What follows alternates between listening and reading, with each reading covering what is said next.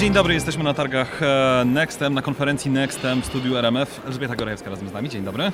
Dzień dobry. Ekspert rynku e, badań, tak na dobrą sprawę, do niedawna Nielsen. Tak, tak, jeszcze, jeszcze Nielsen. Jeszcze Nielsen. Ale już nie prezes. Pytanie za 100 punktów. Tutaj bardzo dużo mówi się o tym, w jaki sposób reklama ma docierać e, do e, odbiorców, jak badać, kim są ci odbiorcy, mówiąc najprościej. Było dużo ludzi idących w poprzek, mówiących, że generalnie cała technologia nas za bardzo inwigiluje, chce wiedzieć za dużo o nas, za, za dobrze nas znać. Inni mówią, że to dobrze. A według Pani to jest dobrze czy źle? Znaczy, jak badać, żeby było etycznie i żeby było sensownie, żeby przynosiło to rzeczywiście efekty handlowcom? Rzeczywiście jesteśmy w świecie, gdzie chcemy wiedzieć o sobie jak najwięcej. E, To nie tylko dlatego, że chcemy coś sprzedać, prawda? Powiem teraz taki trywializm, że chcemy też, po to, po to zbieramy dane i badamy, żeby ten świat trochę ulepszyć. W jakim sensie ulepszyć? Ulepszyć na przykład e, to, co chcemy widzieć w telewizji, ulepszyć to, co chcemy słyszeć w radiu, ulepszyć to, co chcemy widzieć w kinie i tak dalej, i tak dalej, prawda? Czyli nie tylko koniecznie sprzedać produkt, ale też jak, jeżeli mamy reklamę i też badamy ją w jakiś tam sposób, chcemy ją kierować najbardziej do tych ludzi, którzy są zainteresowani, też nie tylko po to, żeby, nie wiem, cały świat, jak to było w tym pierwszym speechu przedstawione, prawda, nie wiem, e, dać pieniądze korporacjom, e, nie tylko dlatego, ale także dlatego, żeby po pierwsze ludzi poinformować o tym, że coś istnieje, prawda? No bo nawet taka informacja w jakichś małych społecznościach, ona nie działa. Jednak trzeba dać szansę tym, którzy mają produkty, żeby mogli ten swój produkt przedstawić i z dobrą informacją dotrzeć. I takie firmy jak powiedzmy firmy badawcze niezależne, bo rzeczywiście teraz świat poszedł w złym kierunku. Wszyscy mają dane, wszyscy, wszyscy tymi danymi handlują, y, udostępniają y, i stąd się biorą takie ruchy, prawda?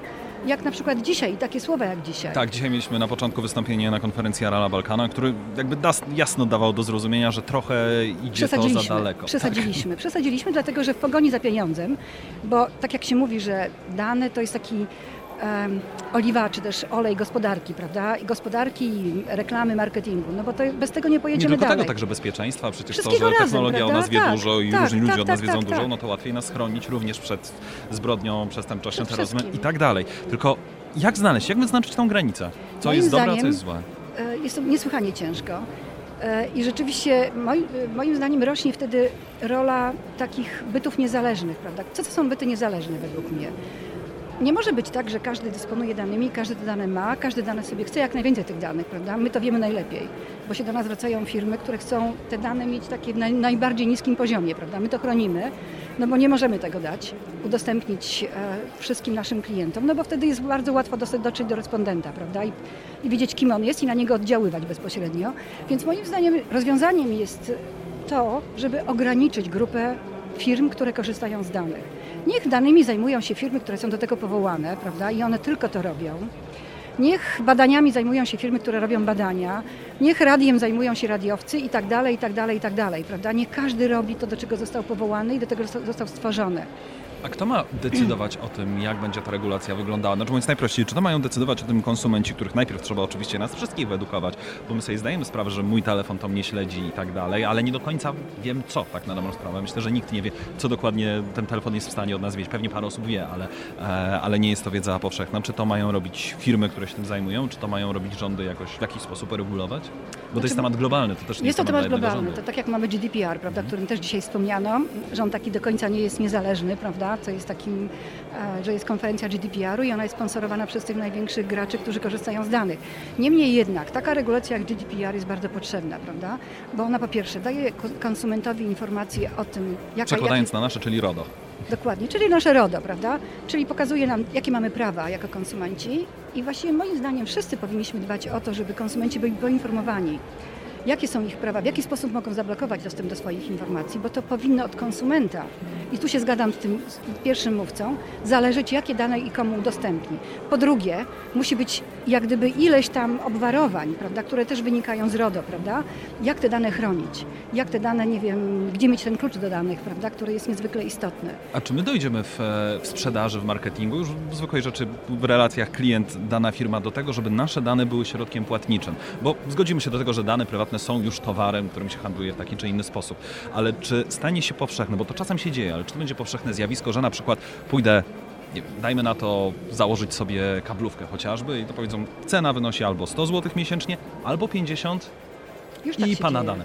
Już Czy tak to będzie dzieje. powszechna rzecz całkowicie? Znaczy, ja, ja na przykład jestem, nie jestem zwolennikiem czegoś takiego, prawda? Że ktoś dostaje za pieniądze, e, czyli no, pieniądze to też jest jakaś tam promocja, prawda?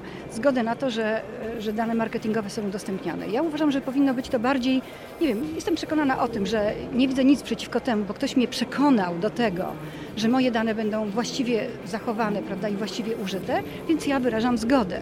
Bo w takiej sytuacji będziemy mieli taki jakby to powiedzieć, taki bias, prawda, czy też błąd, jak to się Ale może to mówi. będzie fair. Znaczy, Może nowy, będzie fajny fair. telefon za 4000 albo za 1000 pod warunkiem, że dokładnie Tak, możemy to tak samo mamy z reklamą. słuchasz tak. Mamy tak samo z reklamą, prawda? Godzę, Tylko nikt nie mówi się, tego wprost, że to dokładnie tak działa.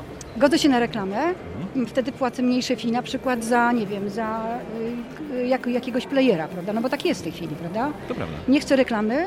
Mogę no to... posłuchać sobie online legalnie muzyki Oczywiście, za darmo, ale co trzeci Moim kawałek zdaniem jest, jest to fair rozwiązanie, prawda? Jest to fair. No bo A wtedy czy ono powinno stać się powszechne? Być może tak, być może tak. Przy jakichś tam pewna, pewnych jakichś takich Bo powszechne jest w telewizji, to się zgodzimy. No, po, Tak, dlatego mamy tak. filmy przerywane reklamami, tak? To Dokładnie. jest Mamy dlatego też płatności. HBO, Chyba, prawda? że dokładnie chcę mieć w pełni płatne, tylko czy że też Kanal Plus, płacić, prawda? Tak. No to tak się Ale dzieje. aczkolwiek to jest... to nie jest jeszcze zabieranie prywatności, tak? No Tak nie na jest to. sprawę.